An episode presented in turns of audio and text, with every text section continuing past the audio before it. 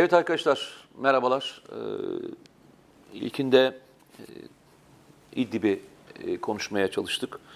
E, benim ilgi alanımda olduğu için de, yani bilgi alanımda olduğu için daha doğrusu ilgi alanım, herkesin ilgi alanında Türkiye'de. Biraz ben anlatmaya çalıştım. Şimdi e, işin başka bir tarafı ve bu işin üstad, üstadı olan Nedim'e e, soracağım bu konunun detaylarını. Geçen haftadan beri Türkiye özellikle İlker Başbuğ'un çıkışı, daha çıkış demeyeyim bir hatırlatması, çıkış yapmadı çünkü sonuçta bir hatırlatma yaptı. E, bir katkı sunmaya çalıştı FETÖ'yle mücadele etme konusunda. Ve arkasından da yaşanan e, Sayın Cumhurbaşkanı'nın e, mecliste yaptığı, grup toplantısı yaptığı konuşma, e, şikayetçi olunmasıyla ilgili suç duyurusu ve artık olay çok daha farklı bir şekilde tartışılmaya ve konuşulmaya başlandı. Yani biz 17-25 Aralık'ta bir FETÖ'yle e, milat kabul ettiğimizin çok daha gerisindeki olayları tartışmaya başladık. E, ne diyorsun? Yani e, olay nereye Şimdi, doğru gidiyor e, e, ve son durum nedir? Bunun bir analizini Şimdi, yapma şansın e, var mı? Bütün m, konuşan taraflar e, bir süredir bir kere dediğim yani bundan hatırlar mısın? Bir, bir buçuk yıl önce bir laf etmiştim ben. Beraber bir yayındaydık.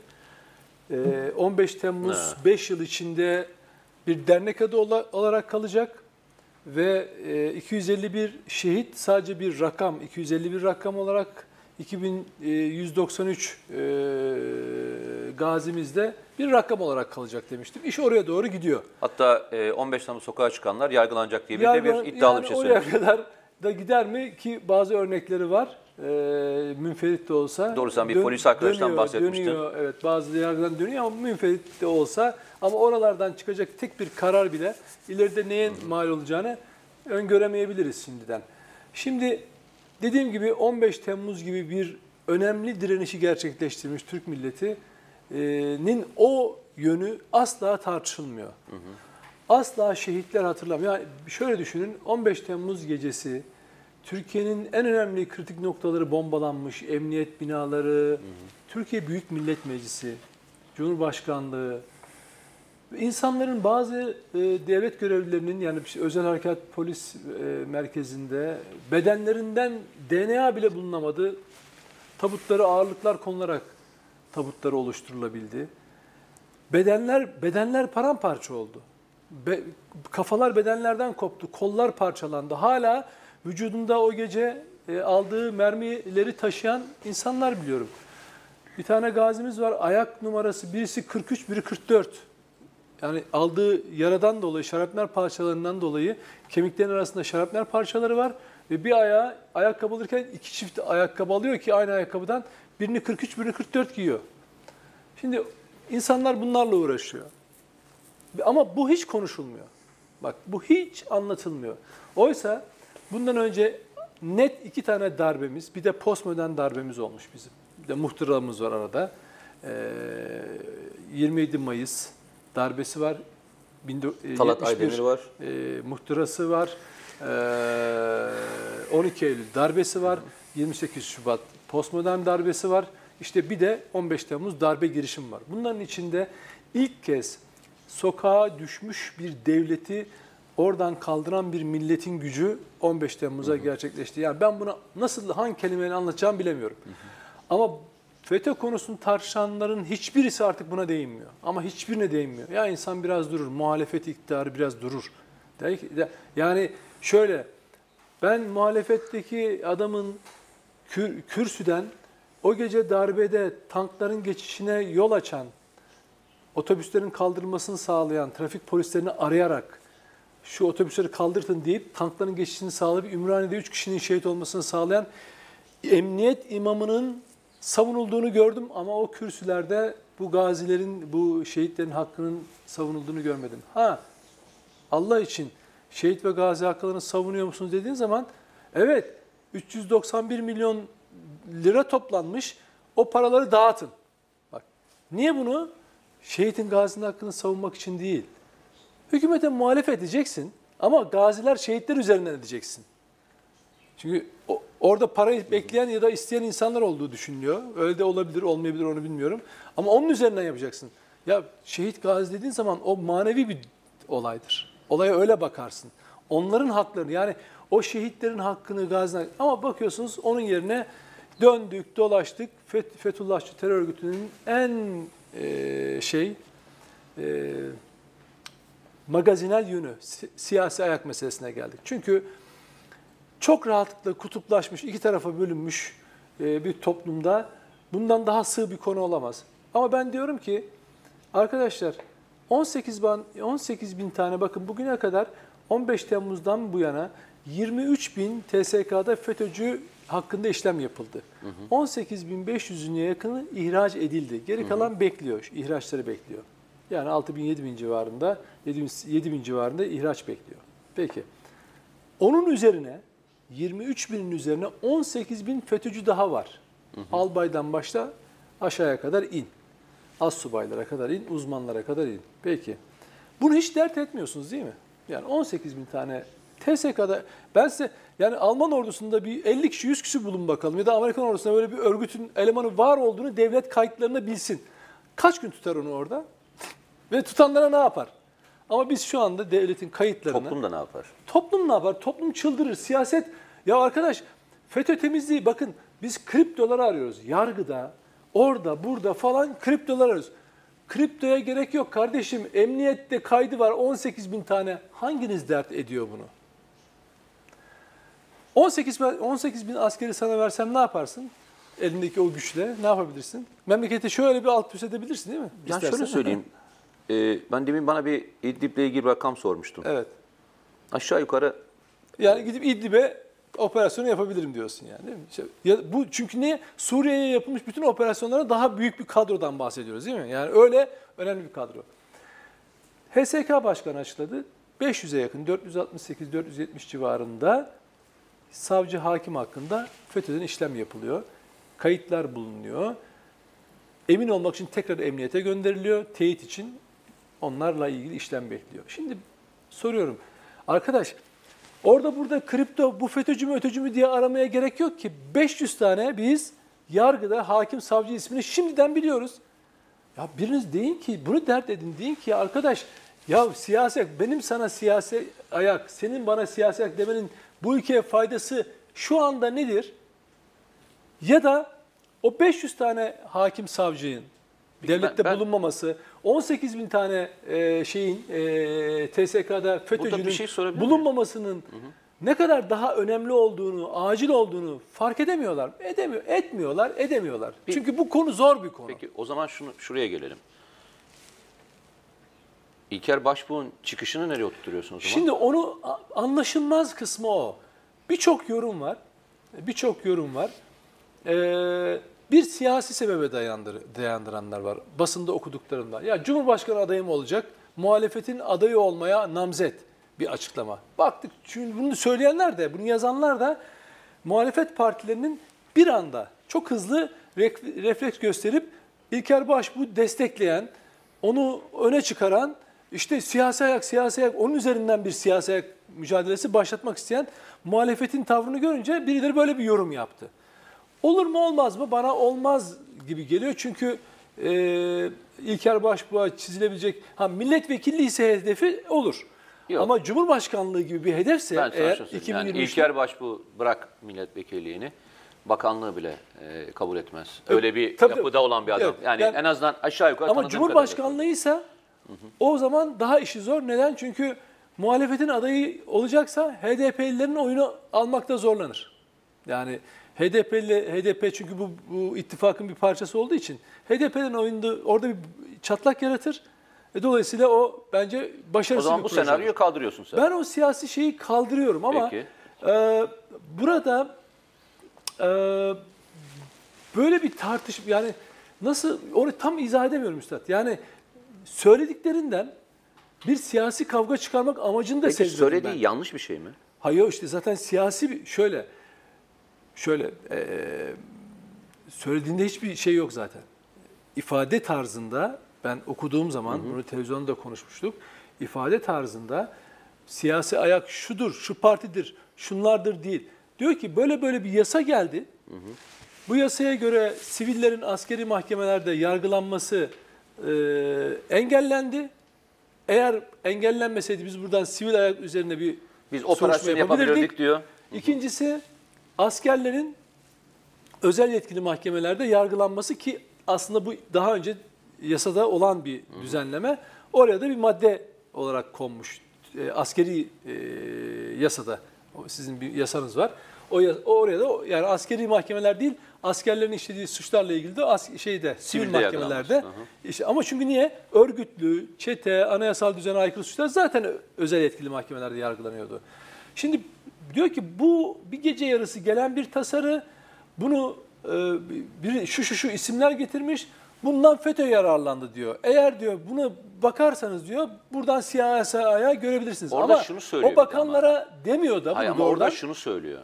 Bir, bir ekleme Hayır bir da. ekleme yapıyor orada. Evet. Diyor ki normalde diyor usulen diyor böyle bir şey yapıldığında genelkurmayın bilgisinden başvurulur. Evet. Yani devlet bizim geleneğimiz budur. Bizimle ilgili bir şey düzenleme yapılırsa bizden de görüş alınır. Ama biz bunu bir gece yarısı bizim de haberimiz olmadığı şekilde geçirmiş olması burada başka bir şeyin olduğunu eğer bakacaksanız buradan başlayın diyor. Doğru mu? Evet, evet öyle Bak, diyor. yani burada şimdi ben de Yok, baktığımda orada or- orada neden olmaz biliyor musun? Bak şimdi. Ne olmaz? o g- şöyle. O oradan başlayamazsın. Yok yok şunu söylemeye çalışıyorum. Söylediği şey bu. Orada e, Ahmet'i, Mehmet'i suçlayıcı bir ifadesi yok. Ama senin de benim de yaptığımız aslında bugüne kadar bu değil miydi? Ne diyorduk biz? FETÖ'yle mücadele için bir e, milat koyup yargılama yapabilirsiniz. Ama bu işin ana kaynağının ve yapılanmasını Tartışması. öğrenmek istiyorsanız, Tabii. araştırmasını yapmak istiyorsanız sizin için milat 17-25 Aralık olamaz diyoruz. De- Öyle mi muyuz? Tabii. Bizim başından beri söylediğimiz bu biz- değil biz- miydi? Biz, şöyle, biz kesinti hiç uğratmıyoruz. Biz FETÖ'yle mücadele konusunu hepimizin kendi tespit ettiğimiz, kendi güncel eee, şeyden, arşivimizden başlayarak, kendi arşivimizden başlayarak kimi 2007 der, kimi 2006 der, ne yaptıysa o günden itibaren bugüne getirir.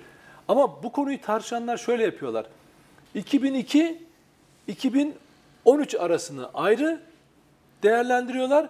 Bir kısmı 2013 ve günümüze kadar getiriyor. Bir kısmı o dönemi hiç görmüyor falan. Şimdi böyle zaman aralıklarına böldüğün zaman FETÖ'yü mücadele değil, sen sadece birbirinle mücadele etmiş Aynen oluyorsun. siyasi, siyasi Tabii, rakibinle mücadele tabii. etmiş hale getiriyorsun. Olayın Doğru. oysa analizi şu. FETÖ, e, FETÖ'nün siyasi ayağına bakacaksan, operasyonel yönü, hukuki düzenlemeler arasına bakacaksan. İstihbarat yönüne bakacaksan, Tabii. tabii. Yani mesela Zekeriya Özler'in DGM'ye atandığı 2005 yılına dönelim. Türk Ceza Yasası'ndaki değişikliklere dönelim. Hangi o yasalar değişiklikler yapılarak operasyonların hukuki zemini hazırlanmadı mı? Ergenekon'un 2007'de başladı. İlker Başbuğ'un söylediği yasa 2009'da çıktı.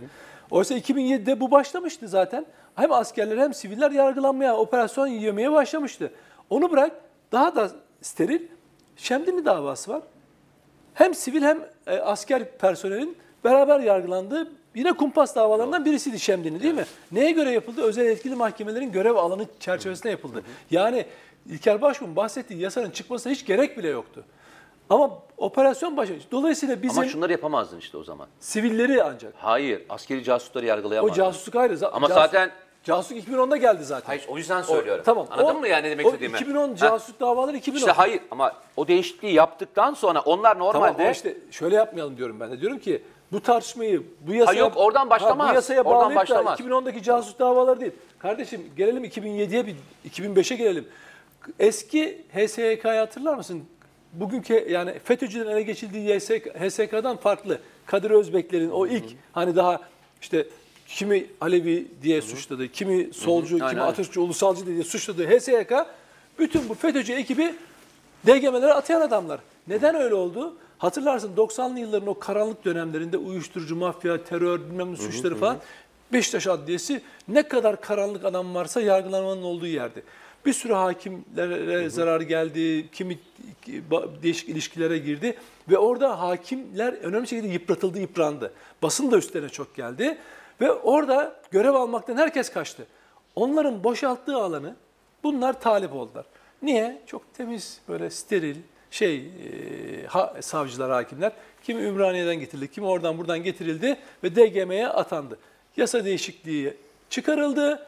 Özel, DGM'ler özel yetkili mahkemeler haline getirildi ve 2007 itibariyle de şimdi bak yasa değişikliğine bakarsan daha da eski ekmemiz gerekiyor dolayısıyla. Yani bu işin siyasi sorumluluğunu AKP 2002-2013 arası sonsuza kadar taşıyacaktır kardeşim. Siyah, bütün bu sürecin sonsuza kadar taşıyacaktır. O, o mesele şu, meselemiz kötü olan şu. Keşke 2002 ile 2013 arası faal olan ve tamamen yok edilmiş bir örgütten bahsetsek ve sadece AKP'nin siyasi sorumlu üzerine bunu tartışabilsek tek başına. Ama öyle olmuyor. Ne yapıyor?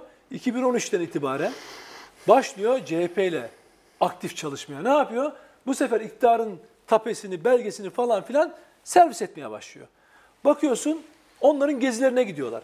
O, o AKP'nin boşalttığı her yeri onlar ne zaman devlet 2005 2015'te bu sefer paralel devlet yapılanması e, operasyonlarını yapıyor ve e, gazetesine, televizyonuna, bankasına el koyuyor. Hop önüne gidiyorlar, hesaplar açıyorlar, televizyonlarına çıkıyorlar, hükümeti tehdit ediyorlar, önüne geleni tehdit ediyorlar. Bir bakıyorsun hiçbir zaman hayatta yan yana gelmeyecek isimler o operasyonlara yan yana gelmişler. Ve bugün dönüyorsun bakıyorsun işte biz neye uyarmaya çalışıyoruz bu yayınlarda? Hala diyoruz ki iktidara eğer giremiyorsa ki var, iktidarın içinde de şu anda var. İktidarın bürokrasisinde de var. Çünkü iktidar dediğin şey sadece bir partiden bahsetmiyoruz.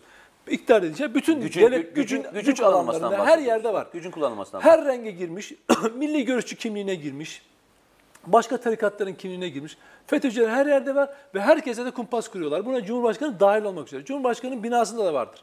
Yani çıkıp eğer birisi kanun hükmüne kararnameler faciadır diyorsa çevresine baksın insanlar ne facia olup neyin facia olup olmadığına. Şimdi dönüyorsunuz bakıyorsunuz muhalefette yine var.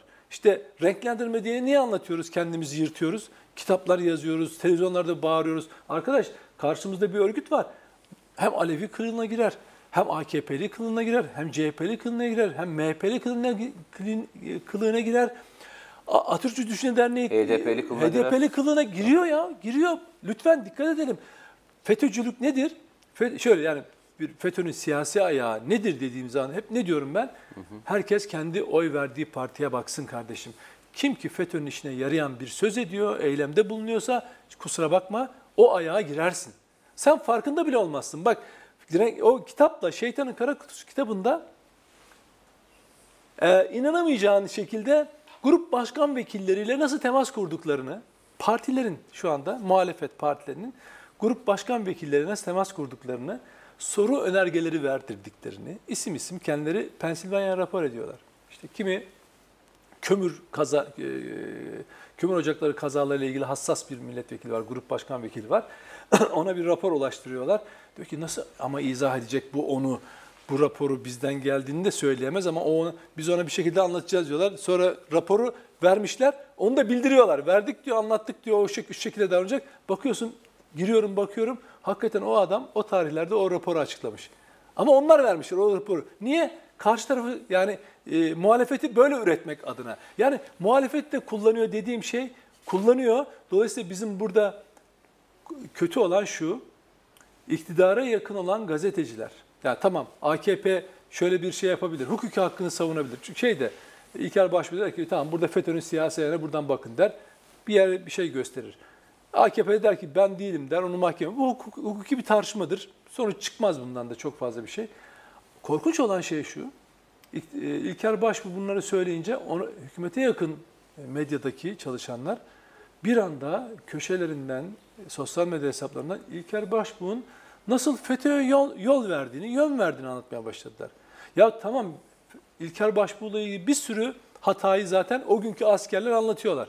Kitaplarında anlatıyorlar. Televizyonlarda daha geçen gün anlattı asker şey Zeki Üçok nasıl hatalar yapıldığını. En basitinden mesela 2017'de CHP'li Tuncay Özkan savcıya bir flash bellek vermişti. Çünkü savcı talep etti ondan o flash belleğin onda olduğunu biliyordu. 10 yıl sonra 2007'de eline gelmiş bir flash belleği Tuncay Özkan götürüp 10 yıl sonra savcıya teslim etti. Oradan çıkan bir takım listeler var FETÖ'cüler ve fişledikleri Alevi, solcu, Atatürkçü falan diye fişledikleri e, var. Ve bir de en kötüsü ne var? Ergenekon kumpası ile ilgili belgeler var. Şimdi 2007'de bunları Adil Öksüz kaybetmiş İzmir'de. Otobüste kaybettiği söyleniyor. O flash bellek bir şekilde Tuncay Özkan'a geliyor. Tuncay Özkan da bunu haber yapacağına, bunu kamuoyuyla paylaşacağına götürüp İlker Başbuğ'a veriyor. Niye? Kara- şey, TSK'da güvendiği isim o olduğu için. E, Yaşar Büyükanıt'a güvenmiyor musun? Genelkurmay Başkanı hayır. Peki içinde ne var bunun? Havacılarla ilgisi var. Havacı, Hava Kuvvetleri Komutanı güvenmiyor musun? Hayır. İlker Başbuğ'a güveniyor. Kara Kuvvetleri Komutanı. O da bakıyor. Zeki Uçok'un başında olduğu askeri savcılığa vermiyor. Hava Kuvvetleri Askeri Savcılığına vermiyor. Nereye veriyor? Hava Kuvvetleri Komutanı'na gönderiyor. Ama niye öyle O da Akın? Öztürk'e. O da Akın Öztürk'e istihbarat e, başkanı. Ne yapıyorlar? Flash belleği güzelce içinde FETÖ'cülerin listesinde olduğu flash belleği güzel bir ne yapıyorlar? Kadık ediyorlar, kapatıyorlar üstünü. Sonra da kimse bundan bahsetmiyor bize. Hiçbir yerde. Yani İlker Başbuğ'da ben bir flash bellek göndermiştim. Ya da bak Ergenekon'da Tuncay Özkan ilk tutuklananlardan 2008 herhalde ya da 2009 bilmiyorum. Ee, yargılamanın bütün sefahatinde bir dakika arkadaş sizin bu bize kurduğunuz kumpasın belgelerini ben şu flash bellekte şuraya teslim etmiştim. Getirtin onu bak burada zaten bu, bu, bu e, da, e, mahkemenin bir tiyatro olduğunu göreceksiniz demediler. İlker Başbuğ tutuklandı. Ya bir dakika kardeşim siz FETÖ'cüsünüz. İşte böyle bir flash söz etmediler. Darbe oldu. Darbeden aylar geçti. Komisyon kuruldu. Şey, e, Tuncay Özkan milletvekili. Ya bir gün komisyona gidip geliyorsun. De ki böyle bir flash bellek vardı. Ben de vermiştim bu FETÖ'cüler. Yıllar öncesinden bu tezgahı hazırlamışlardı falan. Bir anlat kardeşim. O da yok. Ya İlker Başbuğ geldi Peki komisyona. ben şunu anlamadım. Bak komisyona ifade söyleyeceğim. verdi. Bak, bir şey söyleyeceğim. Yani şurada anlamadığım şey şu. Şunun cevabı yok. CHP'liler, e, AK Partilileri, bütün milletvekilleri ve diğer bakanlar dahil olarak siz FETÖ'cüsünüz diye suçlarken hiç kimseyi mahkemeye vermeyen AK Parti neden isim olarak suçlamayan ve birebir suçlama yapmayan İlker Başbuğ'u verdiğini ben anlamıyorum. Ben hani anlamakta zorlandığım şey şu. Birisi sen FETÖ'cüsün diyor. Öyle demiyor mu Kılıçdaroğlu? Sizin içinizde şu kadar adam var. Şöyle yok. Şudur. Orada şu var. Ne var? Ee, nokta atışı var. Yasayı gece yarısı önergesiyle getiren isimlere bakın. İşte siyasi ayak. Hakikaten yaz, orada alt tane Ama isim orada var. ama şimdi sen şunu yapabilirsin. Şu anda e, sen örnek vereyim. Sen bir kurumsal part şeysin. Ben e, ailenle ilgili bir şey söylemiş olsam sen şunu mu söyleyeceksin? Yani O, o, o özel benim hayatım. hayır Onu- AK Parti ona- için ona- bak sen şimdi AK Parti'ye diyorsun ki siz FETÖ'cüsünüz Onlar da diyorsun. ona diyor. O, o bir siyasi şey, yaklaşım olarak niye görülüyor. onu, e, ona vermiyorsunuz mahkemeye? işte şimdi şöyle, bu ispatlanabilir bir şey değil. Bu siyasi bir söylem. Ama şu Ama ispatlanabilir. Türkiye'de FETÖ'yle FETÖ iması yapmakta suç değil mi? Sonuçta Hayır, bir değil, terör. değil. Niye sen Değil. Abi bir sürü insan FETÖ'cüsün dediği için diğeri tarafından mahkemeye verildi. Şöyle bir ihbar hukuki metne getirirsen hukuki yani mesela bu FETÖ'cüdür şundan şundan dolayı ya birçok kişi hakkında var. Niye Çok sen şimdi mesela akıl- basına çıksan, basında birisine desen ki bu adam ben biliyorum ki FETÖ'cü desen. o bana iftira davası açar. Yani diyorum işte. Suçlu olan ben olurum. İşte onu söylüyorum abi. Ama o bana ben ona iftira atmışım. Ya bak ben de aynısını söylüyorum. Bugüne kadar havada bu kadar FETÖ'cülük suçlaması varken şeyden uçan siyasi partiler niye hiç bir dava açılmadı da e, Kem- şey e, İlker Başbuğ Şöyle oradaki bak şunu söylüyorum. Çok nokta atışı. 6 tane isim var. FETÖ'nün siyasi ayağı diye onlar işaret ettiğin zaman eğer buna o şekilde tepki göstermezse yani mahkeme Evet. yoluyla, hukuki yol, hak, hak arama yoluyla göstermezse onu siz muhalefet partileri ben olsam muhalefet partisi şunu yaparım. Kardeşim hiç şey yapmayın. Bak İlker Başbuğ anlattı. İşte 6 tane hadi bunları yargılayın. Oraya gelir iş. O yüzden bu hukuken ön alma çalışması. Tamam. Yani, sen ba- olayı e, Tabii. daha başka şekilde Tabii çünkü şey değil. Yani böyle genel mesela Anladım. AKP'de deniyor kardeşim siz FETÖ'yle işbirliği yaptınız. Normalde yardım yataklık suçlaması değil mi bu? Evet. Ama bu başka bir şey. Bu doğrudan şu sonradan Sadullah Ergin de mesela bakan o tarihte adam e, önergeyi okuyan, savunan konuşmaları yapmış. O da dün açıklama yaptı önergenin nasıl geldiğini. Zaten İlker Başbuğ'un yanlış almasındaki sebep şu. Diyor ki bunun, bu, bunu FETÖ yaptı demiyorum. Bunu FETÖ'cüler yazdı demiyorum. Bundan FETÖ yararlandı dedim diye bir düzeltme yaptı sonradan.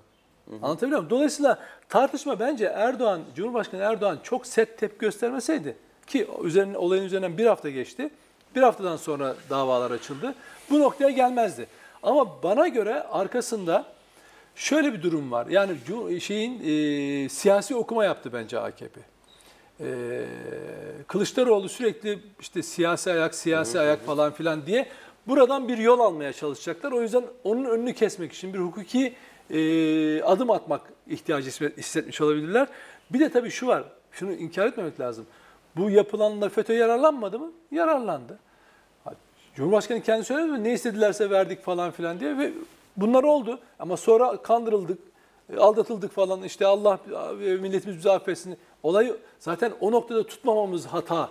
İktidar ve muhalefet açısından da. Yani ben tutup hala şunu ben şunun peşinde değilim. AKP bunu yaptı Bu da arada süremiz bitti. Ta, olsun. CHP'de şunu yaptı da falan. Ya arkadaş bütün gücümüzü toplanıp bu kötülük örgütüne karşı vereceğimize AKP'li, CHP'li, HDP'li, MHP'li yan yana gelip tek bu konu için ben böyle bir yazı yazdım ki meclis tanıntı, mecliste komisyonda ifade verirken de söylemiştim. Ya yalvarıyorum size bütün konularda anlaşamayabilirsiniz. Hiçbir konuda anlaşamayabilirsiniz ama bu konuda Anlaşın. lütfen anlaşın. Bu çünkü hepimizin düşmanı. Yani bu AKP yoksa CHP, CHP yoksa MHP, MHP yoksa HDP'yi bitirecek ya da kullanacak bir örgütten bahsediyoruz. Buna beraber olmaktan başka hiçbir şansımız yok. Ama bu fırtınalı birkaç şey geçsin hafta. Ben tekrar mücadelenin doğru eksende tartışılacağını düşünüyorum. Ne o doğru eksen? Kardeşim diyoruz ki 18 bak kripto mripto aramaya gerek yok. Devletin Emniyet Genel Müdürlüğü Terörle Mücadele Daire Başkanlığı'nın kayıtlarında şu anda 18 bin FETÖ'cü FETÖ ile iltisaklı TSK mensubu ismi var be kardeşim. 500 tane ki bu 2 iki, iki ile çarpın bine yakın hakkında inceleme var. Hakim savcı ya bin hakim savcıyı dert etmeyen 18 bin TSK'daki FETÖ'cüyü dert etmeyen insanların siyasi ayak tartışmaları bana ciddi gelmiyor. Eyvallah. Onu söyleyeyim. Arkadaşlar e, daha çok konuşulacak. Biz daha çok İdlib konuşuyoruz. Daha çok e, Evet. FETÖ'yü konuşuyoruz, siyasaya konuşuyoruz. Çünkü niye? Geçmişten hiçbir ders almıyoruz. Türkiye'nin en büyük şanssızlığı o. Kuşaklar arası bilgi aktarımı yapmıyoruz, tecrübe aktarımı yapmıyoruz. Yani bugün mesela 25 yaşında olan kişi bütün dünya ile algısı ve sana ilişkin gözlemleri kendi hayatıyla ilgili. Eyvallah. Senin mesela aa, Mete Yarar 50 yaşında. Benim iki benim Çok teşekkür ederim beni küçülttüğün için. be- be- benim ömrümün iki katını yaşamış. Eyvallah. Ama önce ben Mete Yarar'ın ne yazdığını, ne çizdiğini bir okuyayım. Ondan sonra ona ağzıma geleni söyleyebileyim. Hayır öyle bir şey yok. Şimdi 25 yaşındaki bir adam seni izliyor, bakıyor. Seni bugün sanki dünyaya bugün gelmişsin gibi bir ifadeyle o cümlenin ne, ne anlama geldiğini de bilmeden, bağlamından, hayatının bağlamından kopartarak seninle ilgili yorum yapıyor. Bu sadece seninle ilgili değil, ke- ülkesiyle ilgili de böyle yorum yapıyor. Dünyayı da ilgili İlker böyle Başbuğ, yapıyor. Tam, bunun tam gerçeği Ha. İlker Başbuğ şu an. İşte öyle oluyor. Yani İlker Başbuğ'un bu söylediğini bütün yaşananların içinden koparıp e, tartışırsan o zaman Eyvallah. İlker Başbuğ'dan neredeyse FETÖ'ye yardım eden adam çıkarabilecek bir zihniyette var yani. Eyvallah. Görüşmek üzere diyoruz arkadaşlar. Ee, Süper Haber'den ilginizi alakanızı çekmeyin. Ee, gerçeği öğrenmek istiyorsanız da lütfen e, Süper Haber'e e, abone olmayı unutmayın. Etrafınızda lütfen e, böyle bir kanalın olduğunu, kendi e, linklerinizi paylaşarak da e, çoğaltmaya çalışın. E, kötülükler çok çabuk çoğalıyor. İyilikler e, sizler sayesinde olacak. Çok teşekkürler.